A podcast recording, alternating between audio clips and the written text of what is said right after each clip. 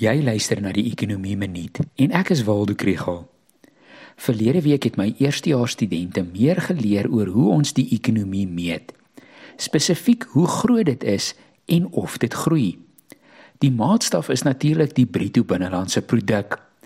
Daar is 'n verskeidenheid van faktore wat groei kan versnel of verlangsaam. Maar na 'n bietjie beerdkrag het die klas verdaag sonder dat ons gepraat het oor hoe dit op die oomblik met ekonomiese groei gaan. Op die oomblik is net die eerste kwartaal se BBP syfers bekend en toe het die ekonomie met 1,9% gegroei. Die tweede kwartaal se syfer word eers op 6 September bekend gemaak. Ander aanwysers van wat intussen gebeur het, kan mens verdeel in die vraagkant en die aanbodkant. Die aanbodkant gaan oor die gebruik van kapitaal, arbeid, natuurlike hulpbronne en entrepreneurskap in die produksieproses. En mens verwag nie dat dit oor net enkele maande veel sou verander nie.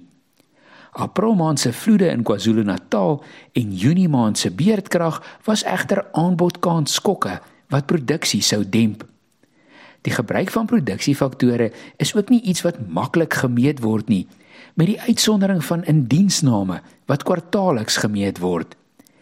Dit het effens gegroei in die eerste kwartaal. Daar is darm maandelikse metings van produksie in die vervaardigingssektor en die mynwese. Ons weet dat nywerheids- en mynbouproduksie afgeneem het in Mei en Junie. Statistiek Suid-Afrika het ook ander maatstawwe van wat wat 'n mens 'n idee gee van wat aan die produksiekant aan die gang is. Byvoorbeeld, die hoeveelheid elektrisiteit wat opgewek word.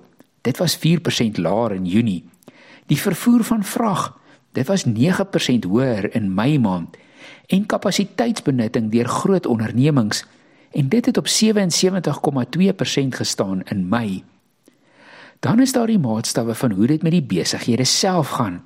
Soos die Buro vir Ekonomiese Onderzoek se aankope bestuurders indeks en sakevertroue indeks wat die laaste paar maande daal. Statistiek Suid-Afrika gee ook inligting oor likwidasies en insolventies en die het toegeneem in Junie maand. Groothandel verkopersyfers was hoër in Mei as in April, maar laer as in Mei verlede jaar.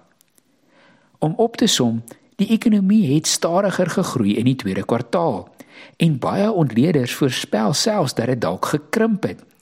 Maar daar's ook vooruitskattinge van groei rondom 2% vir die jaar as geheel. Mens moet dus ook die vraagkant in ag neem.